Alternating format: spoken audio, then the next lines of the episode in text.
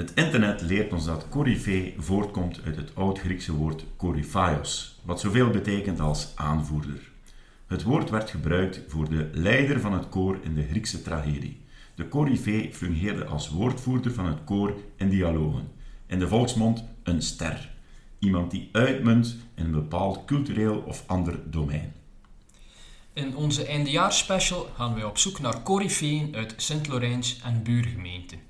Sterren op hun manier, waar Steven en ik wel eens een babbelke mee willen doen, maar dat we dat zonder onze micro's wellicht niet direct hadden kunnen doen. Of toch zeker niet goed voorbereid. En telkens hebben wij het hun familie en vrienden al gemakkelijk gemaakt voor later, door een aantal dingen met hen te bespreken die ooit ongetwijfeld op een duursandje terecht kunnen komen. Hun doodsprentje in het mooie Vlaams. Welkom in onze eindejaarsspecial Meetjeslandse Corifeeën.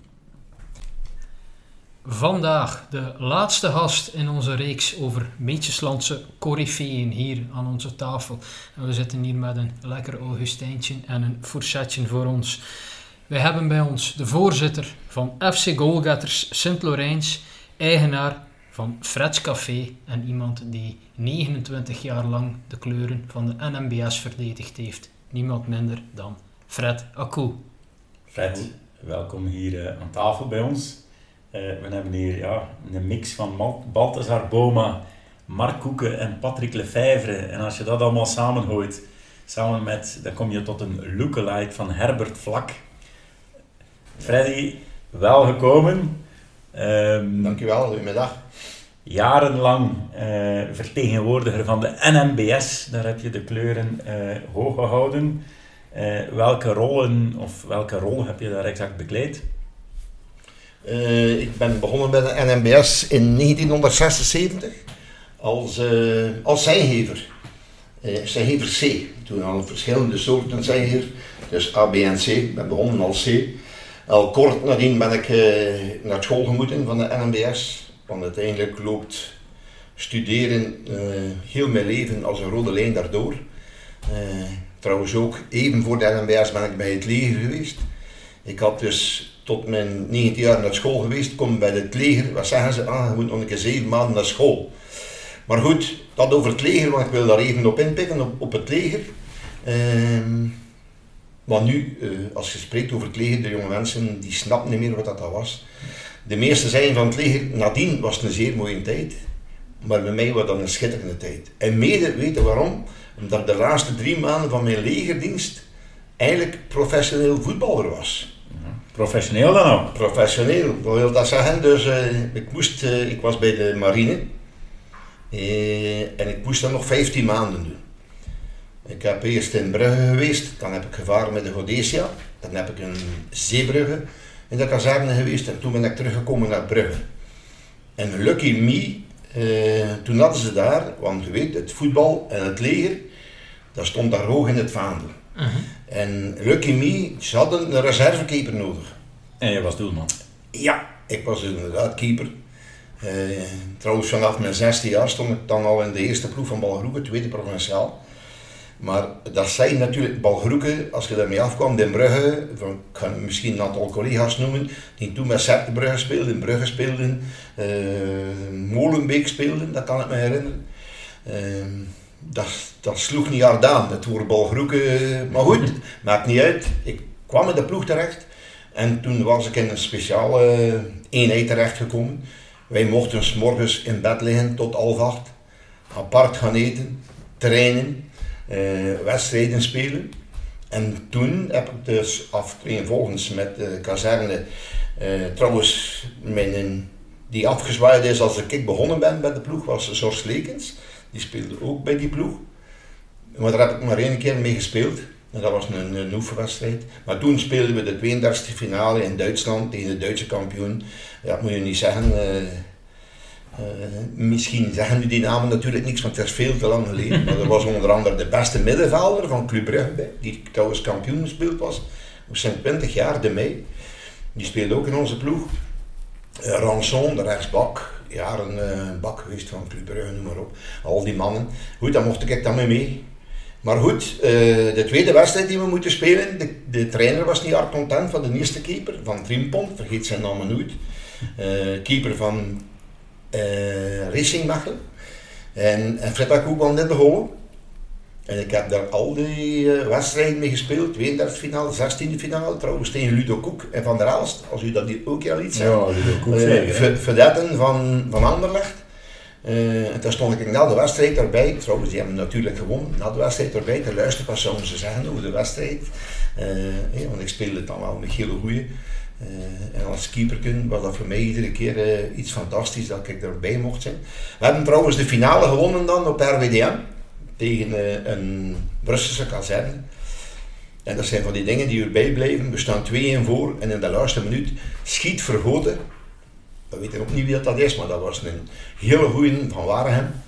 Schiet hij naar de winklok en kon geluk stond er juist, ik haalde hem uit. En everybody happy. En toen Freddy was de man. En ja, dan zijn natuurlijk, eh, ja, dan niet direct een matchwinnaar, maar toch wel goed, ja. En, en dan was op 20 december 1974. Ik zwaaide af 22 december 1974. Ja. En er nog een ludiek, weet, vroeger was er een militaire A-ploeg en een militaire B-ploeg in, in België. En, want die speelden er allemaal in een militaire A-ploeg. Al de goeie die in de eerste klasse speelden. En als ik afgezwaaid was, de 24e, of de, dat weet ik niet, of de 26e, kreeg ik een uitnodiging voor te gaan trainen met de nationale B-ploeg. Maar ik was afgezwaaid. Ja. Misschien was dat een, een, een missing in mijn carrière als voetballer. Maar goed, eh, na het leger ben ik bij de spoorwegen gegaan. Ja. Ehm, ben dus begonnen als zijngever, dat ik al gezegd heb, zijngever C in Eeklo. Al eh, vlug moest ik naar school, naar Brussel, ben ik zijngever geworden in, in uh. Terug examen meegedaan, maar een keer dat je bij de spoorweg zit, moet je examen meedoen. Dat is, dat is misschien in veel bedrijven zo. hè. Dus, dat zijn in examen, dus enkel voor mensen die bij de spoorweg waren. Dus, ehm, en toen ben ik, geloof het of geloof het niet, één dag elektrieker onderhoud elektrische locomotieven geweest. Voilà, dat staat toch mooi op de cv. Ik was, ik was geslaagd voor het examen. En ik kreeg een uitnodiging, proficiat. U kunt, eh, ik zeg maar iets, volgende week woensdag begin in Kortrijk onderhoud elektrische ehm, ehm, machines. Dus ik naar Hinder, Kortrijk, maar toen moest ik nog overstappen. Dat was hier om vijf uur vertrekken in Eeklo, voor Hinder om half acht te beginnen. En ik ben daar één dag, kreeg ik daar ro- rondleidingen van die locomotieven, wat dat er moet gebeuren. Moest voornamelijk mee bezighouden met de pantografen, als dat je iets zegt. Een pantograaf is het toestel die van boven op de elektrische locomotief staat voor elektriciteit af te nemen van de Mhm. bovenkabels. Eh eh, Chandra's morgens was ik er weer en kreeg telefoon eh, van een bureau van NCA. En wat doe jij in, in Kortrijk? Ik zei ja, werken bij, als maar moet jij daar niet zijn? Hij weet toch wel dat ik geslaagd ben? Dat is onderzet. Dan moet jij in, in komen werken. Ik heb de volgende trein gepakt naar Gent. En de dag nadien was ik Ja. onderstation bij Gent. Ja. Maar het staat op uw cv, hè, man. Maar het staat op mijn cv. Ik heb Eén dus dag. één dag elektrieker geweest eh, bij de bovenleiding. Allee, bij de elektrische locomotieven bovenleiding. Eh, goed, ik heb dan jaren in Gent gewerkt. En daar werd ik vervanger, een fantastische job, van alle eh, stationschefs van de kleine stations in de buurt van Gent Tampoort en Gent Sint-Pieters. Dus ik moest de stations gaan gaan vervangen van Oorstakker, van Hembrugge, van Posca, van Gent Tampoort, van Gent Stapelplaats, entrepot genoemd in die tijd. Dan leer je hand het circuit En, daar, kennen, en, natuurlijk. en, en daar kon je geweldig veel leren. Dan later ook moest ik naar eh Zaalzetten, naar, eh naar Langerbrugge, naar Ertvelde Riemen, dus naar Wondelhem. Eh, moest, dat was bijna, dat was maar zeggen, na iedere dag een nieuwe eh, uitdaging. Maar meestal lag er een briefje op de stationschef zijn bureau om niet te veel prutsen. Eigenlijk moet je overal afblijven, stond er. Dan, ze als, ze, als ze weer kwam en ze ben- vonden een brief niet meer terug, was het een probleem. Maar goed, dat was een beetje het begin van mijn carrière bij de spoorwegen. Dan ben ik naar Eeklo gekomen in 1982. Ehm, Daar kende mijn vader en mijn moeder wel want ik was al geboren. Voilà, dat is al geboren. Ja, maar ik ken mijn eigen vader, ja, dat is wel. En, eh, trouwens, een anekdote over uw pa. Oei. Eh, stond ik er op Kunnen we knippen, stond ik kunnen de we voetbal met hem. Stond ik op de voetbal met hem. En hij zei, ja, ga een beetje gaan drinken. In de kantine natuurlijk. En ik keek naar links, ik weet me nog goed staan op voetbal, talvoetbalplein in Sint-Verijn. Verdorie, verdorie, ik moet naar mijn werk. Oeh, ik zei, nu een keer, weet jij dat? Hij zegt, moet ik kijken, het is dan brand uh, met wat ik werk. Ik werk op de zo over. Ja. Moet ik die rook er allemaal zien uitkomen, zegt hij. En hij was weg, niet naar Hinter, naar de kantine natuurlijk. en uh, dat valt me nu, nu is dat gebeurd. Maar allee, ondertussen is het, is het verblijf bij NMBS. Dat was, uh, waarom dat ik naar Rekelo gekomen ben, dat zal ik direct eigenlijk vertellen. Ik kon natuurlijk ook in Hen blijven, maar kon ook naar Rekelo komen. En dat was natuurlijk, als je weet, dat er bij de spoorweg meestal vroeg en laat, zeker in mijn functie, gewerkt werd, eh, zaterdag, zondag. En ik werkte in Gent, maar ik voetbalde toen in Dendermonde. In Dendermonde, eerste provinciale. Dat was niet evident voor de gaan trainen, meestal drie keer in de week. En waar woonde Ja, je dan? Ik woonde dan in Balgroeken. Ja. En als ik getrouwd ben, ben ik in Balgroeken gaan wonen. Eh, ondertussen was ook mijn eh, drie kinderen nog geboren, ja. Dus eh Ilse, Frederik en Lieslot, die waren nog geboren. Natuurlijk, voetbal is mooi, maar een keer dat je een zin hebt en dat je moet gaan trainen, eh Ja, is- 50 kilometer ver, drie keer in de week. Eerst provinciaal. Eh, eerst provinciaal, dat was al een beetje het een en het ander, maar toen kreeg je de mogelijkheid om naar, naar Rekelen te komen, want dat was zeker op zaterdag, zondag werken, vroeg en laat. Vroeg, daarmee bedoel ik om 4 uur beginnen. Mhm. En laat was om drie uur beginnen tot s'nachts 12 uur. Dus dat is niet meer evident. En toen heb ik eigenlijk wel gekozen eh, voor mijn werk. En ging ik het voetbal op een, op een eh, laag pitje zetten. Maar in laatste instantie ben ik dan toch nog eh, getransfereerd van, van Dendermonde naar Everhem Belzelen. Die toen in vier provinciale speelden. Ja. En dat was gewoonweg om daar een aantal vrienden die daar speelden een plezier te doen. Want ze waren er op voorhand van verbitterd dat ik ging gaan trainen als ze kon trainen, maar dat ik niet kon trainen, ging dat dus niet lukken. En daar maakte ze dus geen probleem van. Ik kan je nu wel zeggen natuurlijk, als je, als je van, vier provinciaal, van eerste provinciaal sorry, naar eh, vierde provinciaal komt, dat is, eh, ja, dat is een hele aanpassing. Want natuurlijk als keeper, allee ja, toen, toen stond ik er eh, ja, toch wel een beetje boven, ik zal het zo zeggen. Dan vloekte wel een keer. eh, Ja, dat, dat, Maar dus ook ik- qua, het was niet alleen dat- qua niveau, maar ook Ja. van ingesteldheid. eh nog, nog op het einde was eh, nog, ja, een, een, eh, we, we stonden dus op kampioenspelen en ik blesseer mij. En het ging voor maanden eh, voorbij zijn, maar gelukkig vonden we toen een schitterende mens, een nieuwe opkomende kinesist, eh, Jacques de Calouet, bijna een GC. Ja, ja, ja. GC als Herkend, dat, ja, ja, en die zegt, als je naar mij luistert, Fred, speelde nog de laatste wedstrijd van, van de competitie. En nogthans zat ik in de plaaster van aan mijn eh, middel tot aan mijn eh, enkel. En die haalde mij eruit en zei, als je doet wat ik zal doen, eh, dan speelde. Trouwens, voor nog terug te komen op Jacques de Calouet, jaren daarvoor speelde Balgroeken tegen Boulard. En dat was heel op het einde. Dat was niet direct een kampioenwedstrijd, maar de ploeg die toen won, die ging wel de titel halen in tweede provinciaal. En Jacques de de Calouet kwam ieder corner kwam hij gewoon voor mij staan. En iedere keer dat de corner gegeven werd, deed hij een stapje achteruit en zette zich met zijn voet op mijn, op mijn voet. Dus je moet je maar keer inbeelden, als ik dus wil uitlopen, maar staat iemand op uw voet, lukt dat zo goed niet. Dus je staat altijd in je weg, moest me wegtrekken, hè, kwam te laat. Dus ik zeg tegen Jacques de Qualle, ik ging er naartoe. Ik zei, als je dat nog één keer probeert, ik zei, zie die handschoenen niet, ik droeg toen van die Duitse grote handschoenen. Ik zei, dat gaat tegen uw kaak zijn. Ik zei, schep er maar op. Hè. Eh, natuurlijk moest ik wel kijken dat een arbiter dat niet zag. En op het moment de arbiter keek niet, en zo met het vlakken van mijn handschoen, patat tegen zijn kaak. En je niet meer genaderd die wedstrijd. De VAR bestond spijt- nog niet. Er was nog niet een van. En we hebben spijtig genoeg verloren met 0-2 die wedstrijd. Boelar is trouwens daar jaar over gegaan naar de eerste provinciaal. Maar goed, jaren nadien eh, zijn ze meegemoet naar Jacques du Calouet. Die woonde in Bassenvelde. Kom binnen bij Jacques du Calouet en kijkt naar mij. Hij zegt, niet slaan, niet slaan. Ik zeg, ga niet doen. Ben je goed, toch nog geholpen? hij heeft mij fantastisch geholpen. En wat gebeurt er nu? Ik speelde, ondertussen waren we afgezakt naar de tweede plaats met Everham. En moesten we eindronde spelen. En we spelen die nogthans eh volledig ingepakt, maar ik was fit. En dat is ook een wedstrijd die ik nooit vergeet. We eindigen 0-0 en het zijn penalties. En ik pakte de eerste drie Mhm. gedaan met penalty geven. En we, gingen, we promoveerden. Dus het eerste jaar dat bij België waren was een, een, een succes. Maar dat zijn zo van die dingen Mhm. die heel zijn leven bijblijven. Nee. Ja, je moet er geweldig veel geluk voor hebben voor, eh, voor dat te pakken. nee. Eh, Maar goed, dat was dan de, de gemengde eh, voetbalcarrière tezamen met, met de spoorwegen. Maar wie dat dus eh, Freddy aan de toog grote verhalen eh, hoort vertellen, heeft wel degelijk nog eh, een hoog niveau gehaald als keeper tot in, tot in eerste provinciale en in de militaire ploeg. Ja. Dus Freddy heeft wel wat kilometers op de teller. ja. Ehm, heb jij nog andere sporten gedaan? Ik heb toen ik gestopt ben met voetbal, heb ik even een, een halte ingelast. Eh, omdat Freds Café er dan eh, voor een Mhm. stuk tussen zat.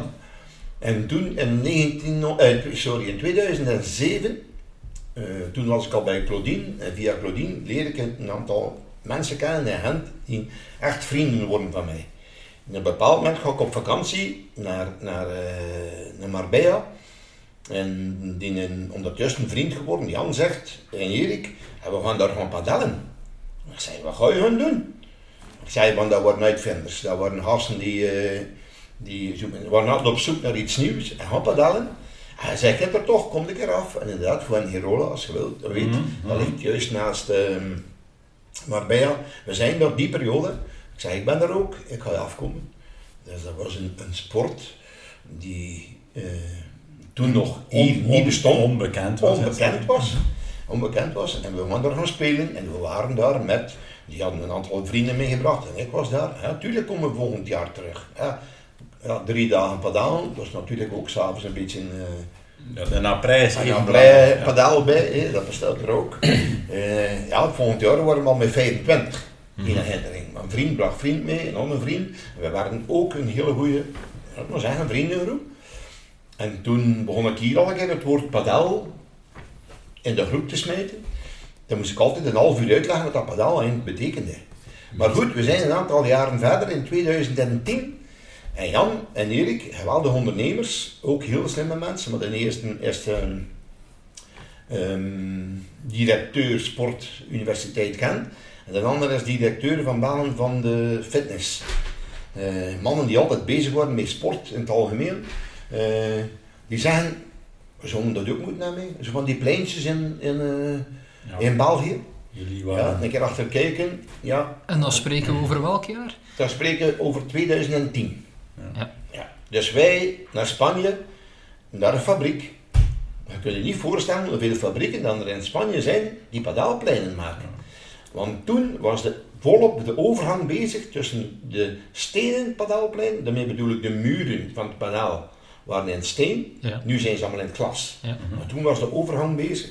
En toen waren de, we, we- we- we namen contact op. Dan zijn we naar Madrid geweest, dan zijn we naar Celta de Vigo geweest. Zijn we, noem maar op, eh, al Toledo, dan hebben we daar ook een hele fabrieken gaan bezoeken. Ehm, om ideeën te krijgen hoe dat we dat moesten oplossen. Een aantal maanden nadien zijn we naar Hinderen gegaan met een aannemer. En dat dan maar rap in de gaten dat we een speciale ondervloer moesten hebben. Want in Spanje regent het niet, maar hier regent het veel. Ja. Dus je moet zo vlug mogelijk je water kwijtraken.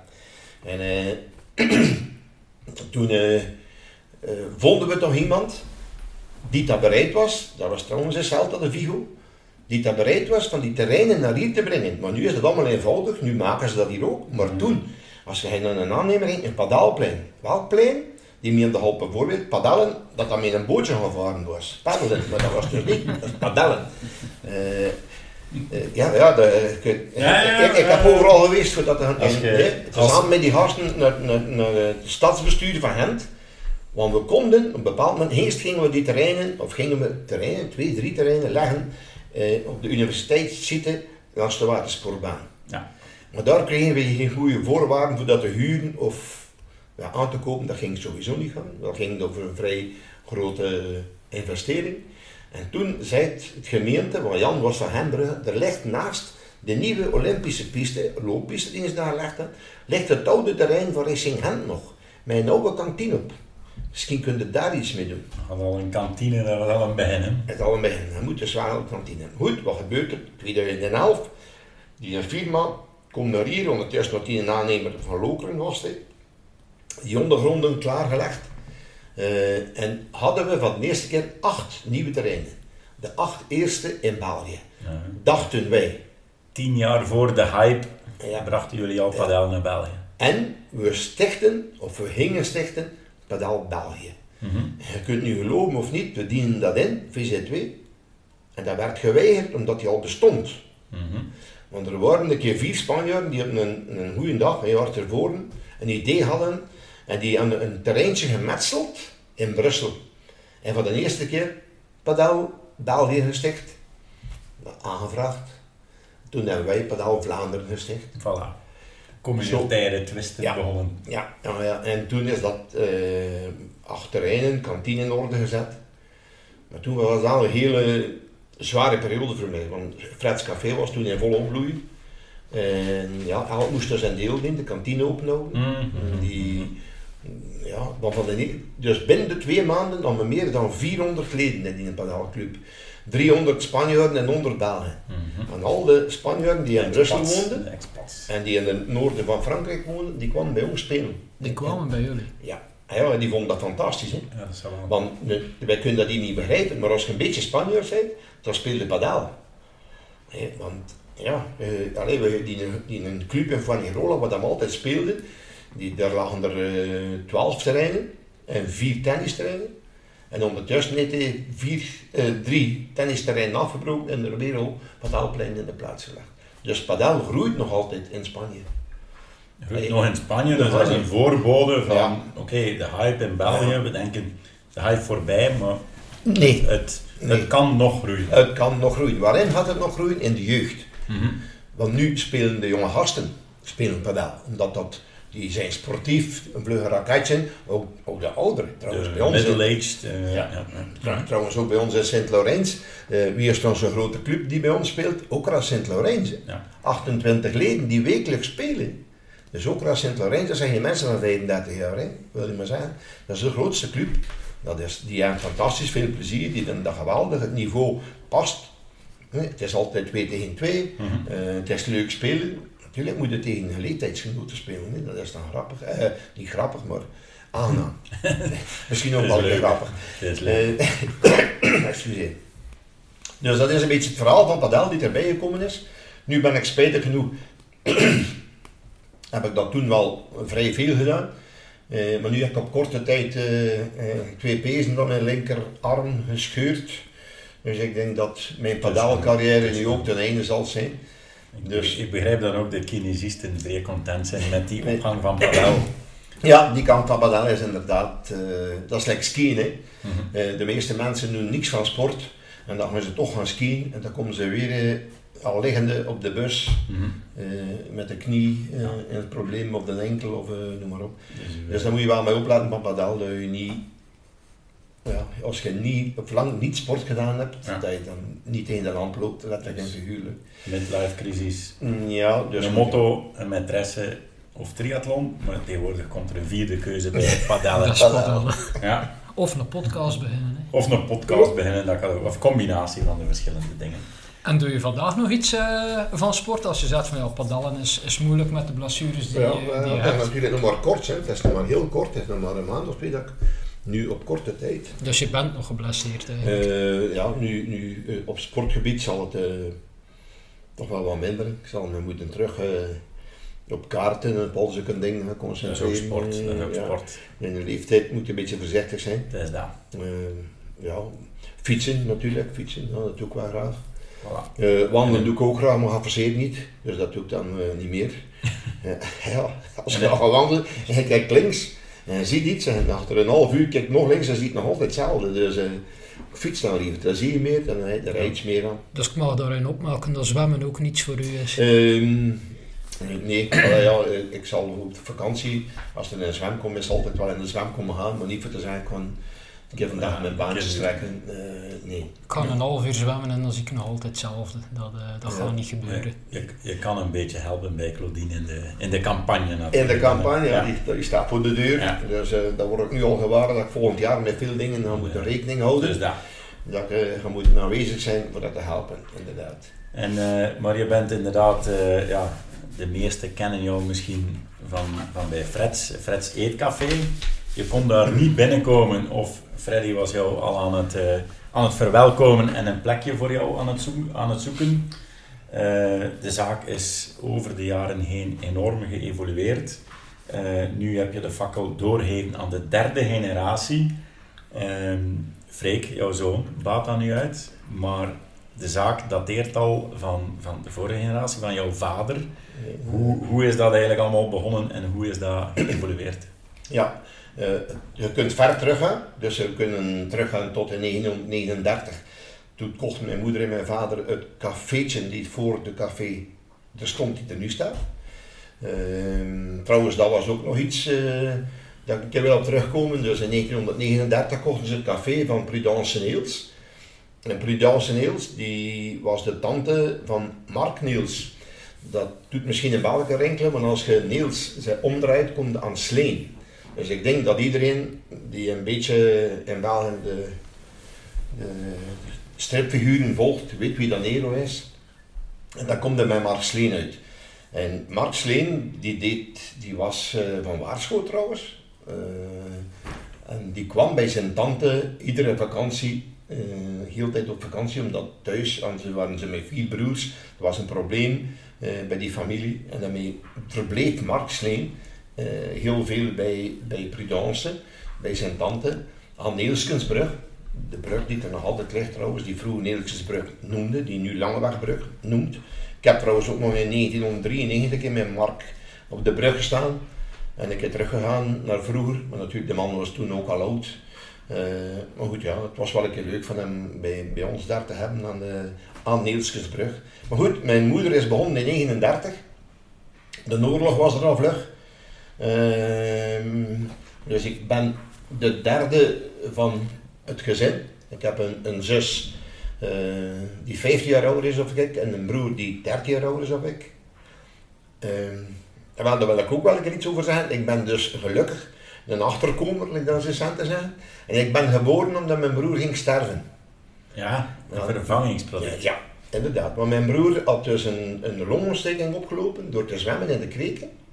En zijn ene long zat uh, volledig verzweerd volledig verzweerd. En toen was er nog geen antibiotica, in het jaar 52, 53. En, uh, en toen is hij naar de kliniek gevoerd in Brugge. En daar, ging hij, daar kon hij eigenlijk heel weinig aan doen, want de long zat volledig verzweerd. En er waren geen oplossingen. Uh, en toen moesten we er rekening mee houden dat hij ging sterven. En toen is er een dokter van Leuven gekomen en die heeft die long afgezet. -hmm. En je kunt dat misschien zelfs dat gaan vinden op Google. De eerste longoperatie in Balen gebeurde dus in Sint-Jan, Brugge, bij mijn broer. Bij. Ja, en die is door een long afgezet. Uh, en die ging er heel zijn leven, die was toen 12 jaar, die ging er heel zijn leven moeten rekening mee houden. En hij mocht niet werken en hij mocht dan niet en hij mocht dan niet, hij mocht geen pint drinken, hij mocht niet roken. En dat zijn juist drie dingen die hij geweldig veel gedaan heeft in zijn leven. Maar toen noemde hij met zijn achternaam? Julien. Zijn achternaam? Akku. Ah, ja, ja, sorry. Oh, nee, nee. Ja, ja, ja. ik heb ook trouwens, ik heb ook een keer 12 jaar niet gerookt en gedronken. En zelfs niet naar de vrouw gekeken. En toen deed ik mijn plechtige... Dat, dat, dat waren en, en deze toen deed ik mijn communie. nee. uh, goed, en uh, ja, goed, ik ben dus de, de laatste, geboren in 54. Dus dan hadden ze al een tijdje de, dat was de al zaak. een beetje vooruit. En uh, toen uh, is mijn moeder, dat was een, een, eigenlijk wel een, voor mij uh, de meest schokkende belevenis in, eigenlijk in mijn leven. Mijn moeder die stierf in eind 86. Mm -hmm. en toen bleef mijn vader daar alleen over in, die zaak. Café werd gesloten.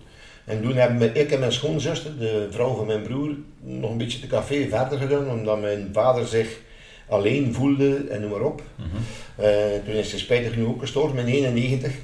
Maar toen was het altijd gewoon café. Café. Ja. Klein cafeetje. Ja, ja. Uh, dat was al de café die er nu stond. Ja, ja, Want die is verbouwd. Dat was nog niet mee eten. Dat was gewoon een klein toastje, klein cafeetje. En toen heb ik hem gekocht in 91, samen met mijn toenmalige vrouw Lieve, hebben we hem gekocht. En hebben we er de café van gemaakt die hij eigenlijk nu is, van, van ruimte. Mm -hmm. uh, van ruimte. Toen ga ik uh, de rest, de volgende tien jaar ga ik een beetje besparen, want anders kan ik te lang duren. Uh, en gaan we, gaan we van de eerste keer naar 2002. Dan mis ik nog Trattenkotten. En dan Ja, we maar nog dat komt- Trattenkot. dat komt nog, dat ja, komt nog. dat gaan we nog moeten tussenpakken. uh, Die ga ik eerst de, de, de, Ja, het, het- or- or- het- het ontstaan van. Freds Café Ja, eh, maken. Dus eh, Frederik was eh, een gediplomeerd kok Spermali en ik was toen stationschef in Eeklo. Ik werkte al dan van 7 tot 3. Ehm, en, en toen zei ik tegen hem, want Freds Café was gedaan, lieve stop er ermee. Ik zei, wat denk ervan? Eh, ik ga u lanceren. Maar ik, had een visie. Ik had, ik had, een keer in Dorica heb ik altijd wel een, goed inzicht gehad.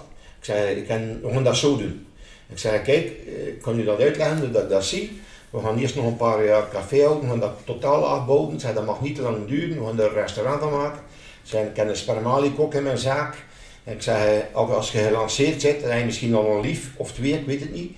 Ik zei, dan gaat Fred hem terugtrekken en dan is dat hier allemaal voor u. Ja. Dan ga ik gewoon in mijn stationnetje Dat was het plan. het Dat was het plan. Dat was de, de, en ik zei, tussen die lijntjes gaan we lopen en Hinder moet me uitkomen. Ik zei, doe je mee of doe je niet mee? Dus uh, Freek zei, ja, doe mee. Ilse zegt, ja, maar ik werk graag bij Toei, maar ik zal wel helpen. En mijn jongste dochter, die kende Lise, de zangeres, Ja. die zei, ja, maar ik ga nog een beetje zingen, ik kan er niet... Ik ga niet mee. Ja, Doe maar, doe maar, Doe doe maar, doe. Als de nood het grootste is, ga ik wel een keer komen, maar eh, het maakt niet uit. Dus we begonnen in 2002 met in de veranda eh, een beetje aan te passen. En daar zetten we een tafel of tien in. En dat ging restaurant worden. En de, wat dat nu café is, het- de, de bar staat, ging café zijn. En op een, we gingen dat op een jaar of vier doen. Ik zei, ik ken de Santse mentaliteit. Als we te snel doen, Nee. dan, dan, dan ga je het op onze kop terechtkomen. Ja, als we meer "Ja, kunnen volgen, dan... eh, we gaan dat rustig doen. En dat is inderdaad, dat eerste jaar was dat vrij rustig, maar toen kreeg het wel een geweldige boom. En hebben we op, eigenlijk op korte tijd het cafégedeelte volledig moeten afbouwen en hebben we volledig met het restaurant begonnen. En toen heb ik er het product gevonden, ribbetjes, mhm. en hebben we er verder op gewerkt. Dus vrij snel gekomen, die en dat is ribbetjes, heel, ja, dat is met de slogan waar de ribbetjes een delicatesse zijn. Dat was ons doel. En toen is dat op zeer korte tijd, maar ik zei tot wel tot een vrij gekende zaak in zijn Mhm, genre gekomen. mhm. En nu heeft de zoon Frederik... En nu is Frederik, hij zegt derde generatie, maar eigenlijk is het, excuseer, eigenlijk is de vierde generatie. Want de moeder van mijn moeder, die, ging, die was ook café op de Zonne in Sint-Laurens. Ja, maar op een andere locatie dan. Maar op Ja, een andere ja, locatie. ja. Maar daar waar we nu zitten, is inderdaad de derde generatie. Mhm, mhm. Dat klopt. Ja. En hij zegt, ja, ik heb altijd een goed zicht gehad op de horeca. Eh, hij had een zekere visie en ja, die Hm. visie heeft wel geen windeieren gelegd. Maar op al die jaren, begin de jaren 90 tot nu, ja, die horeca is wel heel wat veranderd. Eh, allee, wat zijn daar de voornaamste dingen die jij ziet veranderen hebt en wat dat het moeilijker maakt nu? Die verandert nog constant. En verandert nog Ja. constant. En nu zeker met de corona daartussen geweest, verandert de, corona, de horeca nog constant. Maar toen, eh, in, in het begin, dus dan, eh, dat was maar zijn 2002, eh, was er ook het roken die wegviel. In, in, in Mhm. de restaurants, zeker vooral te begin, en dan Mhm. de cafés die erop volgden. En ook de mentaliteit van de mensen veranderde. Want, want daar- daarvoor op café gaan, dat was een gewoonte. Ik weet nog de tijd dat ik in Hens en Pieters werkte. Dus iedereen die dan met de trein nam naar Brussel, die had een kwartier. En die moest allemaal zeker twee pinten gedronken hebben, dus de twee, twee treinen in. Nu is het al, er is geen, zijn geen cafés niet meer in Hens en Pieters achter, achter het station. Het waren toen vroeger zes, ze zaten allemaal bomvol. Dus de mentaliteit van pinten drinken is veranderd. Er worden nog veel pinten gedronken. Maar ik had dat toen al een beetje in het zicht. Bijvoorbeeld iemand die in de jaren 90 ging gaan, gaan eten en ze waren met vier. En dan hadden ze lekker gegeten en toen moesten ze allemaal minimum nog één keer trakteren. Tot dan, en, en zeker met Irish koffies, zeg maar niet. Tot dan ze elkaar en weer zagen zitten. En toen gingen ze naar de lotto stappen en reden ze naar huis. Ja. Dat, en die De dingen die periode, veranderd zijn. en die periode is dat zeer veranderd. hè. We, Ja. ik kan niet zeggen dat er geen morgen die, die een zak naar huis rijden, maar het is zeker heel veel veranderd. Dus eh, we gaan wel op restaurant, maar eh, we gaan hier niet meer daarachter. Eh, als je wat Eeklo zei, naar Sint-Laurens komen eten en dan onze zat drinken en dan naar huis rijden. Dat is er toen zeer snel uitgegaan. Dat wordt het voornaamste die aan veranderd is in horeca. Het roken en drinken. Ja. Die, eh, Ja. Onder controle, ik zal het zo zeggen, onder controle was. Ja, maar dat is op zich. Dat is een verandering, maar misschien wel nog ten goede. want, eh, Ten goede. Ja, Zeker. ja, ja, ja, ja. Zeker weten. En dat mensen dan past en vlug aan. Ja. Mensen past vlug aan. Want dat niet roken, dat was nogal een drama. Hè? Want dat was een gewoonte, gaat scheten. En, en, en omdat tien mensen zaten, stappen er zeven een sigaret op. Hè? Want niet dat het Mm. beter was. eh, achter het eten een sigaretje. Mm, mm, Dat is al totaal uit. Hè? mm. Ze zijn er nog niet naar buiten gegaan. Maar als zeer de minderheid. En we hebben het al even aangehaald, daar aan Freds Café was er ook nog Ja. een kotje in een rek. Ja, ik heb net gezegd, mijn eerste stappen was in de, bij de vorige aflevering, Mhm. eh, was Centerok, maar ik heb ook naar, naar Vuiven geweest in het Rattenkot. Eh, wat was het Rattenkot eigenlijk? eh, het Rattenkot, ik heb dat misschien niet gezegd, dus mijn, mijn, mijn vader en mijn moeder. Mijn moeder was cafévrouw en mijn vader die deed groothandel in ajuin en vervoer van dieren. Dus die reed met een camion. En er was daar een garage gezet. Ja. Een garage, dat is maar zeggen een platenkot. Ken je die, die betonnen, stenen platen Ja. met daar een dak op. Maar goed, mijn vader stopt. En daar had, eh, het, eh, het kot stond daar. Het liep er wel inderdaad wel, ja, als jij daar de buiten moet praten. Eh, en, en toen was er iemand op de kommer, en die noemde Bakkerken. Met zijn, eh, de bakker noemde, Gislijn de bakker, en die zei een bakkerke tegen. Eh, en tezamen met, met zijn vrouw vroeg hij, "Ah ja, ik kan hier een club stichten, de Kommerratten. Maar we nemen geen lokaal. En mogen we dat niet in die garage doen? Ja, dan heeft hij die mensen een betonnen vloer ingegoten. Er eh, de, de, de ingang van, van de garage toegemaakt. Een toog ingezet. Voilà. En zo is dat begonnen. En toen was dat het lokaal van de Kommerratten, het Rattenkot. Ja. We weten hoe dat de naam van de Kommerratten ontstaan is. Nee. Nee, ik ga het ook kort vertellen. De Kommer, dat is niet direct de vruchtbaarste streek van Sint-Laurens. De Kommer, dat is allemaal zand. Ja. Wie woont er daar? De mensen die eh, niet de best financieel ervoor Dat zaten. is de goedkoopste grond. De goedkoopste grond, de meeste grond, eh, dat waren allemaal mensen die gaan werken bij de boeren, aan de overkant van het kanaal, bij de boeren eh, van Watervliet en omgeving, daar zaten de rijke boeren, en die kwamen terug. En onder de terugweg, eh, die verdienden ook niet veel, natuurlijk, gingen ze voorbij gewassen, bijvoorbeeld, voorbij aardappelen. En toen was het moment daar, als de aardappelen er waren, trokken ze de struik eruit, en haalden ze de aardappelen er van onder en planten de struik terug.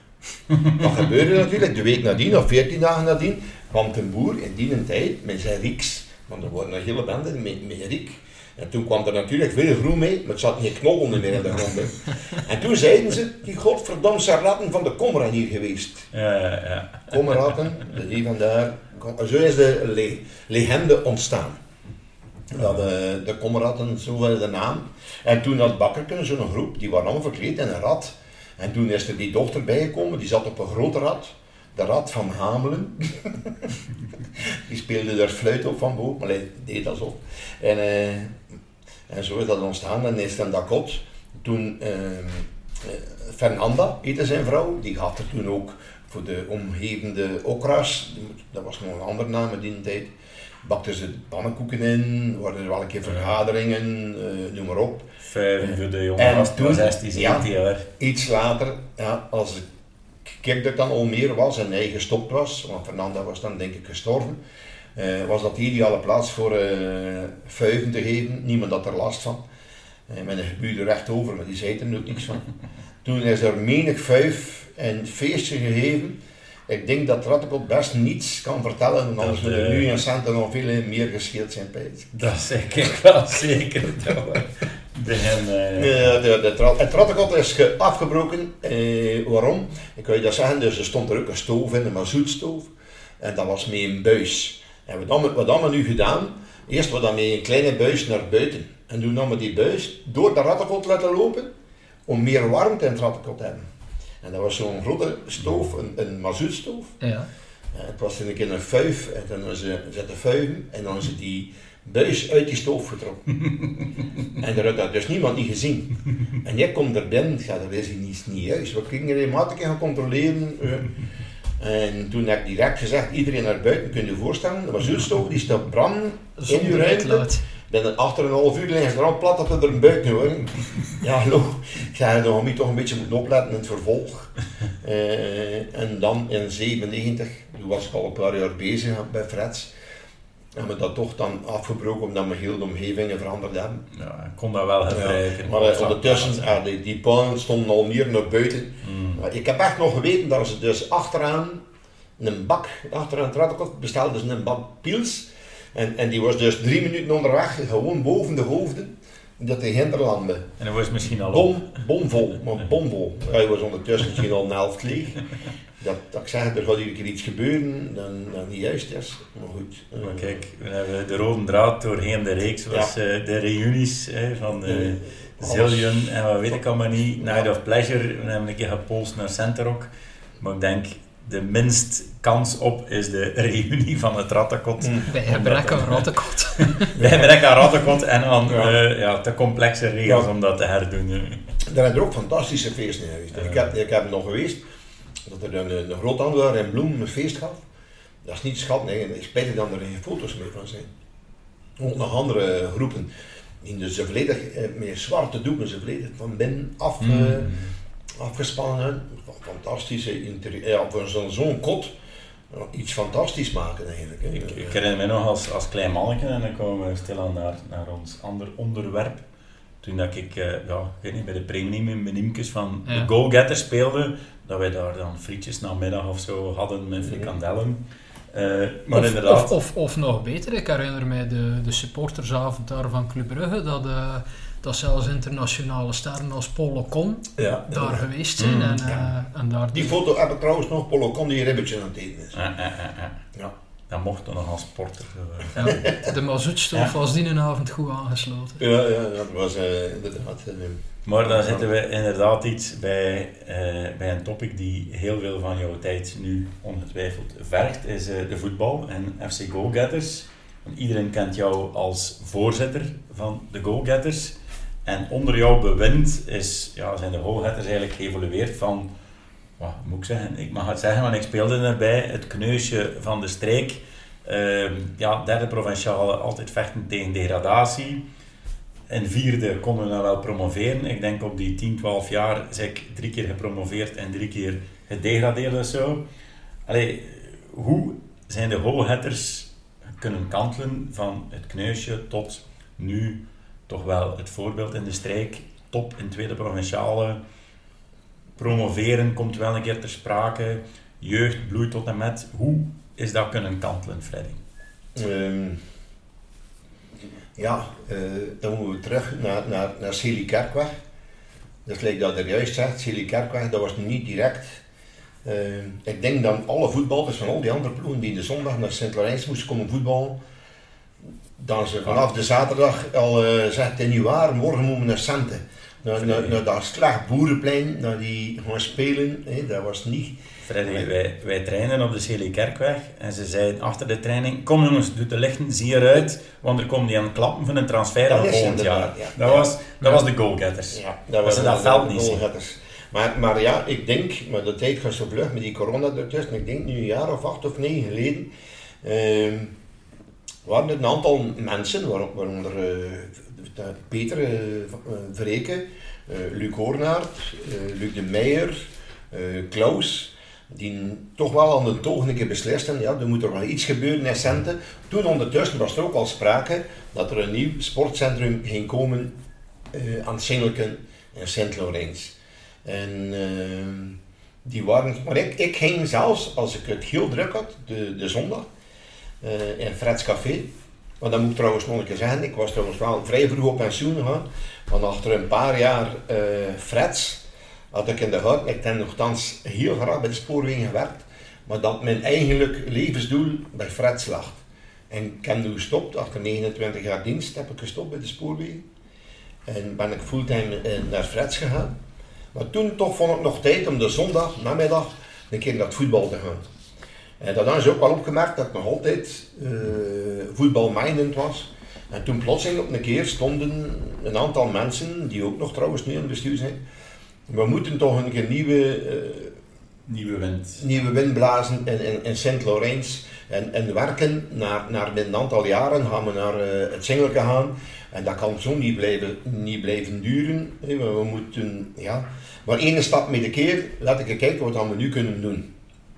En toen uh, was ons eerste doel, inderdaad, zoals gezegd, we moeten uh, vierde verge kunnen vergeten en een beetje stabiele ploeg worden in derde.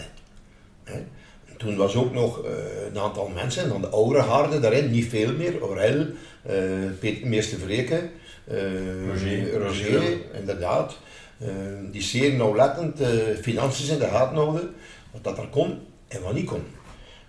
Daar moesten we natuurlijk ook mee meedoen. Maar goed, we hadden een aantal mensen die wel eens zeggen, ja goed, als we die speler willen krijgen, voor toch een klein beetje niveau te halen, gaan we nog iets meer moeten geven dan, dan twee pinten uh, als er gewonnen wordt, bij wijze van spreken. Ja. Um, en toen hebben we dat maar gedaan en zijn we beginnen vragen en onze vrienden gingen ook, zijn niet geïnteresseerd.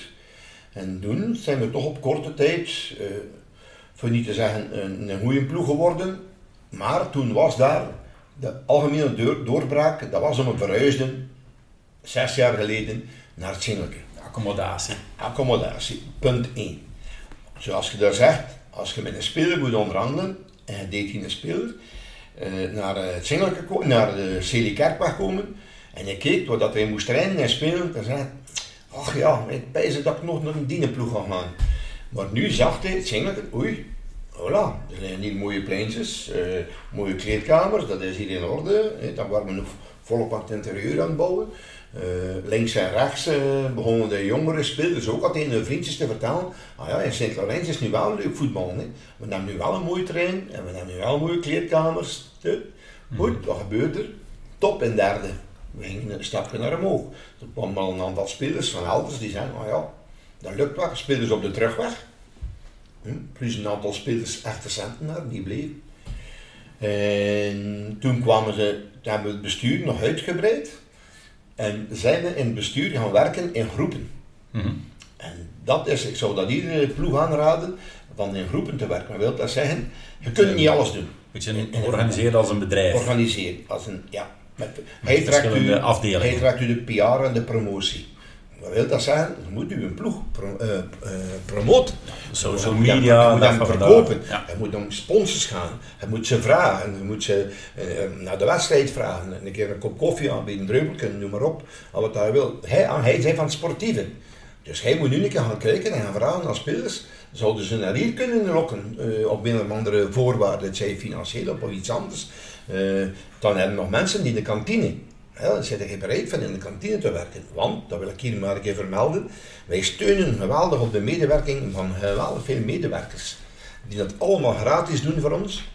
Eh, maar die... die- betaald worden en af en toe een keer een pintje en een keer een etentje. Ja, natuurlijk. Dat is- ja, dat dat, is, dat, eh, hoort erbij. Dat is, eh, eh, dat is alleen, als je dat betaald wil noemen, dat is gewoon, gewoon weg, dat is voor de ambiance. gewoon weg tonen dat wij hun inzet geweldig appreciëren. Dat, dat, dat is eigenlijk alles. Eh, dat- is niet, eh, maar eh, maar moet, hij moet wel voor uw eigen deur gaan, gaan, eh, gaan vegen. Hij moet maken dat uw werk die je daar doet in orde is. En je moet ook niet alle weken bij ons komen voor te zeggen, hé, welk morgen, eh, mag ik morgen eh, eh, cola verkopen in de kantine? Nee, nee, allee, sorry, daar, daar kan ik me niet mee bezighouden. Ja, Elk Dan heeft zijn men, elk draagt zijn verantwoordelijkheid. De mensen van het terrein, die zijn verantwoordelijk voor het terrein. Die doen dat fantastisch. Trouwens, Greenkeepers, Ja. Tuur en Swatchen en Sander. ja, voilà. Ik heb trouwens de vorige trainer ontslagen, om, omdat hij eh, volgens mij mijn greenkeepers eh belachelijk maakt. Zij hadden hem al twee keer gevraagd, het heeft vandaag geweldig veel gereden, plein staat een heel stuk onder water. Nee, dat was voor het kunstgrasterrein, dat wil ik straks wel even vermelden. En eh, ja, kijk, je mag vandaag niet trainen, je moet hinter op dat stukje trainen, oftewel kun je ook lopen op de Finse piste. Je gaat er niet van doodgaan van één keer niet met een bal te trainen. En ze waren nog hun had niet gekeerd eh, en hij begon toch op dat terrein te trainen. Dus je weet, als je dan met 20 loopt op een terrein die trassig is, zal naar dat schouder naartoe. Ja, stop. Maar dan heb ik hem gezegd, het is nu de tweede keer dat ik u vooruit heb dat je niet meer mocht doen. Weet dat je moet doen maandag, eh, dinsdag, je moet niet meer komen training geven. Ik zal er een ander zetten. Mhm. Ik weet dat die event verschoten is. Eh, eh, waarom zeg je gewoon omdat ik? Ja, ik zei ja, gewoon. Om, weet je waarom? Ik zei, weet je wat je moet doen? Maar ik zei, van de zomer was het warm. Ik zei, het was droog. Ik zei, weet je wat die mensen deden? Ik zei, s'nachts maar kwamen ze water in. Die kwamen uit het bed. Voor I te maken dat er geen schoon pleintje net. Ik zei, hij lacht ermee. Maar ik zei, het zijn natuurlijk heel mooi twee keer gevraagd. Ik zei, de eerste keer heb ik het nog zo gedaan. Ik zei, de tweede keer laat ik het niet meer zo. Maar allee, dat is volgens mij ja, een heel sterk punt van de goalgetters. Iedereen doet dat met hart en ziel. Zijn job, maar ook van de andere kant krijgen die mensen van iedereen heel veel respect en heel veel voldoening. Daar begint het mee. En als je die wederzijdse connectie hebt, ja, dan kun je heel veel bereiken. Ja. Maar die kunnen ene keer allee, eh, een tegenslag hebben of, of een bras hebben, dat is wellicht geen probleem. Maar als dat blijft duren, dan... eh, Dan, dan krijg je dan, dan eh, je moet maken dat iedereen aan boord houdt. Eh, iedereen, moet remmen, vroeger zeiden ze, je moet remmen in een plastron, je moet remmen in overal. hm. Nee, dat, want anders kun je een ploeg niet, kan die ploeg niet dragen. Dat- Maar die is- trainer kun je veranderen, maar die greenkeepers en die mensen die achter de touw staan, die zijn minder op vervangen. Die anderen zijn Mhm. passanten. hè. Sorry dat ik moet zeggen. hè. De, de Mhm. voetballers en de trainers, van de eerste ploeg bedoel ik dan. Dat zijn passanten, dat kunnen fantastische mensen zijn. Maar toch, die, komen en die gaan. Maar die mensen die nu in het bestuur zitten, we zijn ondertussen zijn er wel een keer iemand uitgegaan door, door eh, familiale omstandigheden. Maar we zijn nu terug uitgebreid naar 15 personen. Die alle maanden ene keer verslag komen uitbrengen eh, bij ons. We hebben, we hebben er geluk van dat we een aantal mensen hebben, juiste mensen op de juiste plaats. Eh, ik, ik heb mijn eh, eh, voordelen en maar we hebben nog andere mensen die in hun branche veel beter zijn dan ik. Die, die, die, bijvoorbeeld, voor een naam te noemen, soms moeten wij tegenwoordig, als er wat gebeurt, een rode kaart, gele kaart, eh, een opstootje, dan hebben wij een advocaat nodig. Die hebben we nu in de ploeg. Dan hebben we iemand die, de- die de, boekhouding doet, eh Klaus. Die is perfect op de hoogte van alles. Veel beter, of veel meer, of wij allemaal tezamen. Maar die brengt op het einde van de maand brengt hij verslag uit. Brengt de, de greenkeepers brengen verslag uit. De, de jeugdwerking brengt zijn verslag uit. Eh, noem maar op, hè, want het kan overal wel iets eh misgaan. Maar ondertussen, als je daar gezegd hebt, is onze ploeg gegroeid en gebloeid. En zitten we nu, ik denk, dichter bij de 300 voetballers. Dus eh, ik, dat is ook veranderd. Je weet dat de ouders zeer mondig geworden zijn en hun rechten afdwingen. Dat kan op allerlei manieren zijn. Hè. Dat kan zijn van, mijn zoon heeft het recht van hier te spelen. Maar je weet, niemand harder dan een kind. Want als je met zes in een, de, de, de jeugdploegen zijn dus kleiner. Het zijn geen elf tegen elf. Ja, maar zit er dan iemand tussen die het moeilijk heeft om mee te kunnen? Eh, Dan, dan benaderde dat als volwassenen zeer voorzichtig. Maar een kind zegt gewoon, hij zijn een prutser, je kunt niet mee. Ja, ja, ja, kinderen hebben Maar dat komt toch over. Ja. Want ieder Ja. kind is even goed.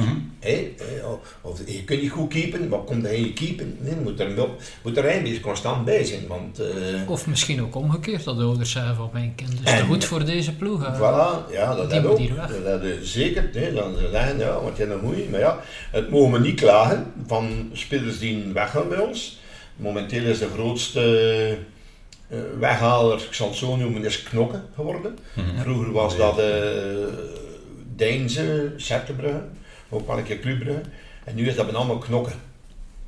Ik ehm, stel er eigenlijk wel positief tegenover. Raar voor te zeggen misschien. Nee, nee, Ik wil daarvoor niet zeggen dat ik ze allemaal naar hen ga sturen, maar ik zeg altijd tegen de ouders en zeg tegen de jonge speler, kijk, je moet je best doen om dat daar te maken. Als je, wie weet, kun je voetballer worden. Maar niet vergeten dat je van Sint-Laurent bent en dat je altijd welkom bent als je terugkomt. Dat Als dat niet lukt. Ja. Het is wel tegen de ouders als tegen de kinderen. hè. Niet iedereen wordt, je weet je ook, omdat duizend beginnen, zijn er tien. Die, hè, maar je kunt, eh, ja, je kunt later naar de eerste ploeg komen. hè. Maar dat is, dat is inderdaad wel een compliment voor een club dat er ja, ploegen van hoger niveau je, spelers komen weghalen.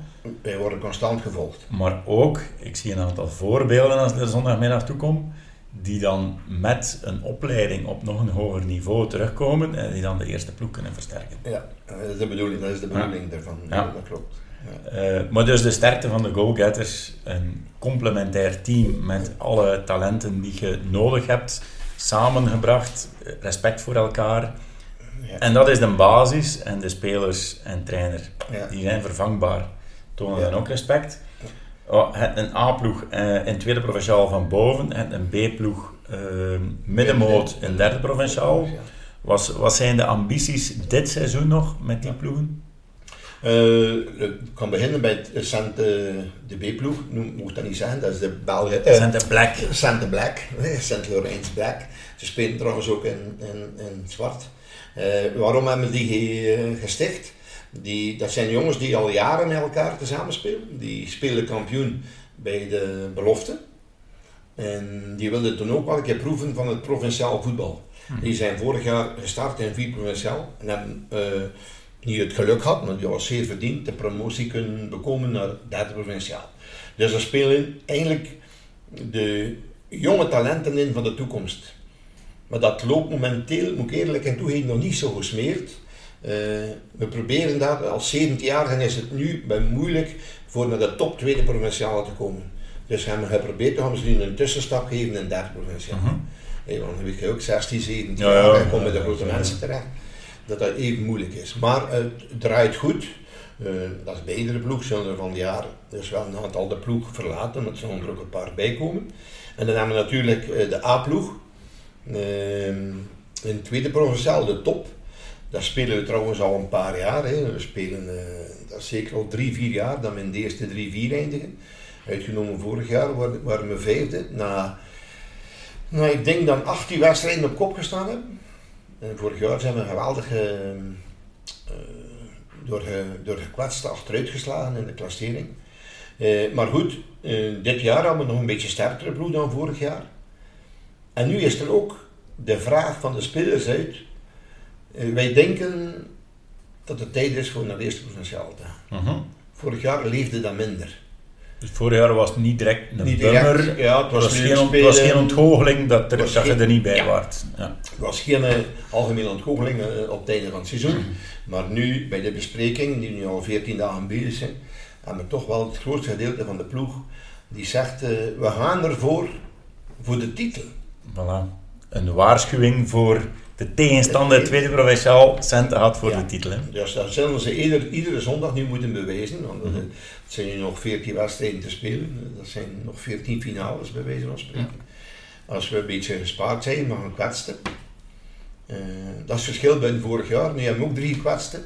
Maar nu zijn de drie even goed in de plaats gekomen. Ah wel, maar dat is inderdaad... De kern is iets breder dan vorig jaar. Ik denk dat die drie gekwetsten nu al terug zijn straks. Mm -hmm. uh, met, uh, met 14 januari beginnen we mhm. terug. Uh, ik denk, uh, natuurlijk, het, het, promoveren, dat brengt altijd problemen mee. Waarom? Om, omdat het is altijd voorstanders, tegenstanders. Eerst, nieuwe maar, eerst, ja, nieuwe eerst, maar ik bekijk dat eens in de toekomst. Ik denk persoonlijk in de toekomst dat er in eerste provinciaal toch wel een aantal ploegen uit het Meetjesland en omgevingen zullen de eerste provinciale spelen. Ja. Dat zal volgens mij ik loop wel ambitieus. Hij moet ook eerlijk zijn. Een stad van 25.000 mensen moet altijd minimum in de eerste provincie mm spelen. Mm Maldegem, een gemeente van 24.000 mensen, moet altijd minimum in de eerste provinciale spelen. Ja. He? Het er nu al Lembeek, eh, Kleit. Lembeek had er nu al, Kleit had er nu al. Als Drongender kan blijven, ja. als Latem gedrouwd zijn, ja. is er nu al 10 punten voor. Dan heb je toch al een ploeg of 6 of 7, dat was maar zeggen, op fietsafstand van ja. Sint-Laurens. Mm -hmm. Kan natuurlijk ook tegenslaan, maar van de week is er in het mij al een keer gekeken naar de rangschikking. Je zegt Lembeke, die staat vierde laatste en Kleit derde laatste. Je zegt, stel u voor dat ze zakken en Watervliet komt naar omhoog. Mm -hmm. Zegt, dan ga je wel een aantal mooie uh, duels missen. Ja. Dus het is altijd... Freddy, dat is allee, de korte termijn visie naar volgend jaar, ja. maar ik voel ook allee, de goalgetters en ambitie om over te gaan. Het zal ook geen super zware ontgoocheling zijn als het dan toch niet gebeurt. Klopt. Maar binnen een jaar of vijf, misschien maximaal tien, is dan eerste provinciale niet de reeks om in te zetten. Zeker weten, daar ben ik zeker, maar beter al in zitten. Maar we moeten ook eerlijk zijn, uh, dat heb ik ook al gezegd, Sint-Laurens kan nooit een stad worden. We, we willen dat ook niet worden. We bedoelen, mm -hmm. niet, bedoelen niet, maar we bedoelen aan het aantal mensen die er wonen. Dus dat vind ik al fantastisch dat men in Sint-Laurens, we gaan Watervliet er ook nog, dat we in Sint-Laurens met die 4000 mensen dat we hier zijn, eh, dat we zoveel jeugd hebben. Maar mm -hmm. worden we toch omringd door niet de minste. Stad Eeklo, Ja. dat wil niet zeggen, Stad Maldegem. En de grens. En de grens hier achter ons, ik had gedacht, een grens dat gaat niet meer bestaan in 2020, maar er ligt er nog wel echt. hè. Ja, moment, momenteel hebben we één Nederlander die bij ons speelt. Ja, nee, niet moeilijk. Hij is eh, eh, 80% Belg. Mhm. eh, die hebben die rap aanpast en noem maar op. Dus eh, ik denk dat de, dat eerste provinciaal een zeer mooie reeks zou zijn voor Sint-Laurens. En, Eh, en, en dat dat ook misschien wel het oh ja. het einddoel zal zijn. Ja. We moeten eerlijk zijn. Je moet niet hoger kijken niet dan dat. kijken, dat heeft geen enkele zin. Maar ik denk gewoon naar de toekomst, naar andere ploegen, naar andere uh, onze omgevende gemeenten, die dan ook in die reeks zullen spelen. Dus, uh, Mhm. En dan wordt dat terug een fantastische reeks, zoals nu tweede provinciaal er is. En trouwens, dit jaar moeten wij ook naar Locristi en naar Berenvelde en, en, en naar Saffelaren en, en, en noem ze het maar Ja, op. En, en je naar, naar Locristi of naar de Vlaamse Ardennen, dat is, eh, dat is hetzelfde. Ja, Voilà. nou ja, dus uh, goed. En de kern van de goalgetters Ja. zal altijd bestaan. Eh, een goede kantine, En, eh, ja, fantastisch. veel eh, zelfstandigen. KMO's die, die Dus steunen. overal ze komen, zelfs de, de ouders, en niet alleen over het ik klap niet alleen over de eerste ploeg, maar, maar niet, ik ken vrij veel mensen ook buiten uh, Sint-Laurens zo ja, wij met onze kleinen naar Centen komen. Mhm. En die hebben daar alles. En die krijgen daar alles. Hè, als ze komen spelen voor de beker van het nieuwsblad, daar, iedereen klein krijgt een, eh, een, een, een pistolet mee, eh, Mhm. Ja. een hotdog en, en, en, en krijg de pizza en te krijgen van alles, en, eh, Mhm. noem maar op.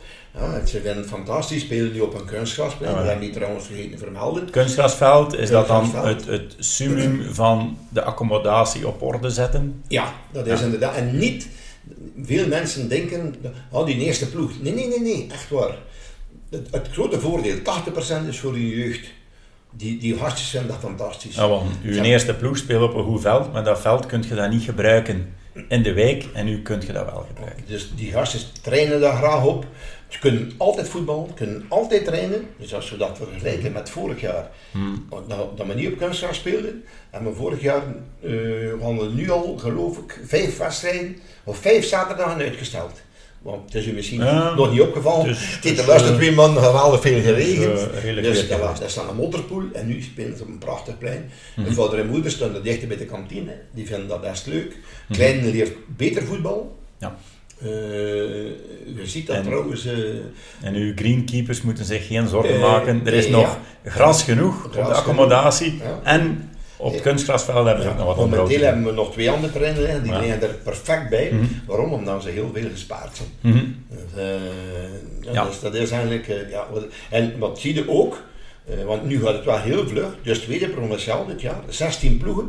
Je ziet van die 16 dat er 8 zijn die reeds op kunstgras spelen. ja, dat, is, dat is echt de trend voor eh, Ja. dat iedereen een Dat trend. hè. Te zeggen, ja, en, en het In de reeks bedoel je? Ja, in ons reeks. Hè. Eh, In ons reeks spelen er van, dus je speelt minimum de helft van je wedstrijden op kunstgras. Ja. Mhm. Je ziet het trouwens ook. Hoewel toegeven, maar ons spelers zie je het trouwens ook. Dat ze soms last hebben. Als ze op eh, een zwaar veld moeten Ja. komen op verplaatsing. Ja, maar dat kan. Ja. Goed. Voor ze, voor, alles heeft zijn voordelen. zijn Ja, nadelen. ja. Voor, maar een grote voordelen. Zeer, zeer grote voordelen. Maar- Dan hebben we er ook geluk gehad, maar moet ik hier wel een keer vermelden. Dus eh, het sportcentrum is er niet gekomen van zijn eigen. We hebben geweldig veel medewerking gekregen van het gemeente. Mhm. Ehm, Kunstgrasveld, crowdfunding. Ik heb er nog een spiesje gegeven van 20.000 euro of zo voor het kunstgrasveld te, te financieren. Ja. Dus, eh, Ja, ja, daar weet hij ook alles van, inderdaad. Maar dat is ons toch gelukt. Hè, eh, ja, mooi. Dus de Dus- andere ploegen staan ervan te kijken, hè, want ze weten Ja. wel. kan maar, die- dus dit, eergisteren zit ik nog bij de voorzitter van Lembeke, de jeugdvoorzitter. Ja, zegt hij, we zijn, we zijn aan het onderhandelen, de kunstgas moet hier ook komen. Zegt, de kunst Mhm. eh, moet hier ook komen. Nee, ik weet het. ze zien dat Maar dat aan een Maar boost ja, het is niet evident, Mhm. want daar moeten ze volledig het kunstgas betalen. Als, Dus voor ja, als je de Maldhem en Kleit is leuk, hè. Gemeente zegt, geen probleem jongens. Mhm. We zijn onder eentje leggen.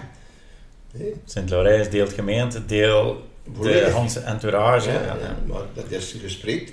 Ja. Bij een kunstgrasterrein, minimumprijs 400.000 euro. Ja, ja, dat is, eh, dat is geen Nee, dat is De leningen kosten, de leningen. Ja, Ze zijn aan het zakken, hè. Ze zijn aan het zakken. dus dat komt goed. Dus Dus- ja, dat is een beetje het verhaal van, van de holheaders. Ja, Tot, tot nu toe is dat, eh, Dus de, ja, misschien hebben we ook in onze omgeving wel een beetje, ik kan niet zeggen, haat, maar een beetje neid, ja. Sint-Lorijns is dat. Wat het geliefst, Freddy? Dat ze een beetje neid hebben of dat ze een beetje lachen mee? Beter dan, dan soms beneden van Voilà. klagen. Voilà. Dat, is, dat is zeker weten. dus- van, eh, Ja, want uiteindelijk zie je ook wel dat eh, de jeugdspelers die je vandaag binnen de Sentse rangen lopen hebt, dat dat een bijzonder hoog aantal is. Waarmee dat je ook aangeeft dat je als club het, eh, de kaart van de toekomst trekt.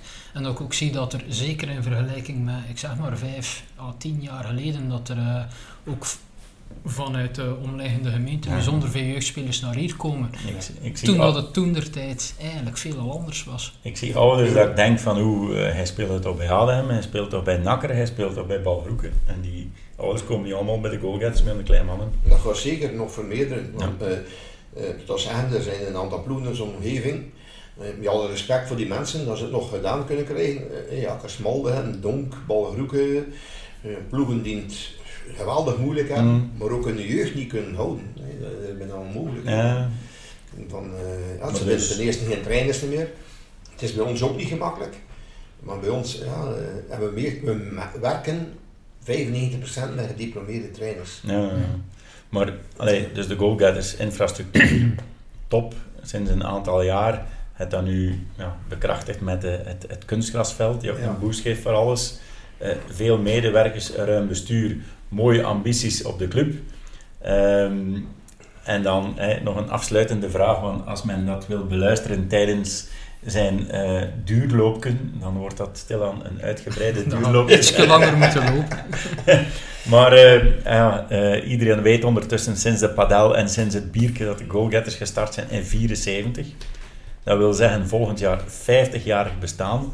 Freddy, naast een eventuele promotie naar tweede provinciaal, een behoud van de Black. Wat mogen wij nog verwachten van 50 jaar goalgetters? Wij, eh, dus we beginnen nu eh, vrijdag met de winterwandeling. Mhm. Dat is het heeft daar goed samen ja. Dus eh, die zijn daar, onze dienst of onze groep promotie is daar volop mee bezig. Dus we gaan het niet in één keer doen, we gaan het spreiden over een jaar. Mhm. Eh, we gaan dat ook, we gaan ook voor een stuk op, op pendelen afkomen. Dus misschien wordt het van een ontbijt, wordt het straks wel een brunch. Hopelijk wordt het een kampioenviering in plaats van een einde seizoenviering. Eh, wat dan ze nog in petto hebben, dat weet ik niet direct. Maar ze hebben gezegd, we zijn ermee bezig. Ik betrouw die mensen 200%. Dat dat gaat gespreid worden, niet in één keer. Maar dat we straks eh Koninklijke Club Holgetter Sint-Laurens gaan noemen. KFC. KFC. Dus eh, dat staat zeker eh, op de band. Eh, want al de evenementen weet ik ook niet van buiten. Die die Ja. proberen het gewoon nog, ja, gaan we nog een tent zetten? Ik denk niet dat we een tent in gaan zetten, want onze installatie is groot genoeg, want daar zijn we een beetje van teruggekomen. Mhm. Ehm, voor nog evenementen te organiseren, eh vuiven, iets voor de niet-jongere mensen, eh, noem maar op. Ja. Eh, we gaan daar zeker nog eh, een heel stuk aan breien, voor dat op en top de 50 in de kijker te zetten. Begin maart staat in ieder geval al het ontbijt in mijn agenda waar Dat ik weer kan al- eigens ga bakken. Ja, Maar voor de rest raden we iedereen dan aan om de socials in de gaten te ja, houden dus, en te zien wat eh, de goalgetters allemaal nog in petto hebben voor het Eh, 50-jarig bestaan. inderdaad. En zijn we blij dat we een voorzitter voor ons hebben die vertrouwen heeft in zijn ploeg en die zegt van eh mannetjes, doe maar. Zeker weten. En met vol passie Zeker, over zijn je- club vertelt. Ja, dat is ook een, een, een belangrijk deel van als je met zulke mensen werkt, waarmee dat ik mee werk in het bestuur, dat je, dat je daar eh, hoe moet ik zeggen, eh, je niet moet van wakker liggen. Zij weten waar ze mee bezig zijn, kennen het Ja. dikwijls beter dan ik. Ja. En het resultaat mag gezien worden. Het is niet mijn eh, werk alleen, hè. dat is het werk van die vele mensen. Ja. Daarom, terwijl ik hier toch zit, dank u wel nog een keer mannen, dat je dat zo voor elkaar gebracht hebt. Voilà. Freddy zal u er nog een, een keer een goede pieuws geven als je, als je hem nog een keer tegenkomt. En ik denk dat die bedanking een mooie afsluiter is Voilà. van eh, dit gesprek. Freddy, Dank u voor het gesprek. Het was mij aangenaam. Wie weet in de toekomst. Voor het verdere vervolg van de 50 jaar Holheads. U ga ik zeker nog tegenkomen. U ook. maar hij zit nog... eh, wij eh, houden onze agenda wel hier en daar vrij. ja, En, eh, dus Freddy, bedankt voor uw komst. En eh, we zijn een klein beetje over tijd, maar voor onze laatste aflevering in de reeks kan dat eigenlijk geen kwaad. Ik ken een lange duurloop. ja, Freddy, bedankt en eh, tot de volgende. U bent bedankt en tot ziens. Yes. Ciao.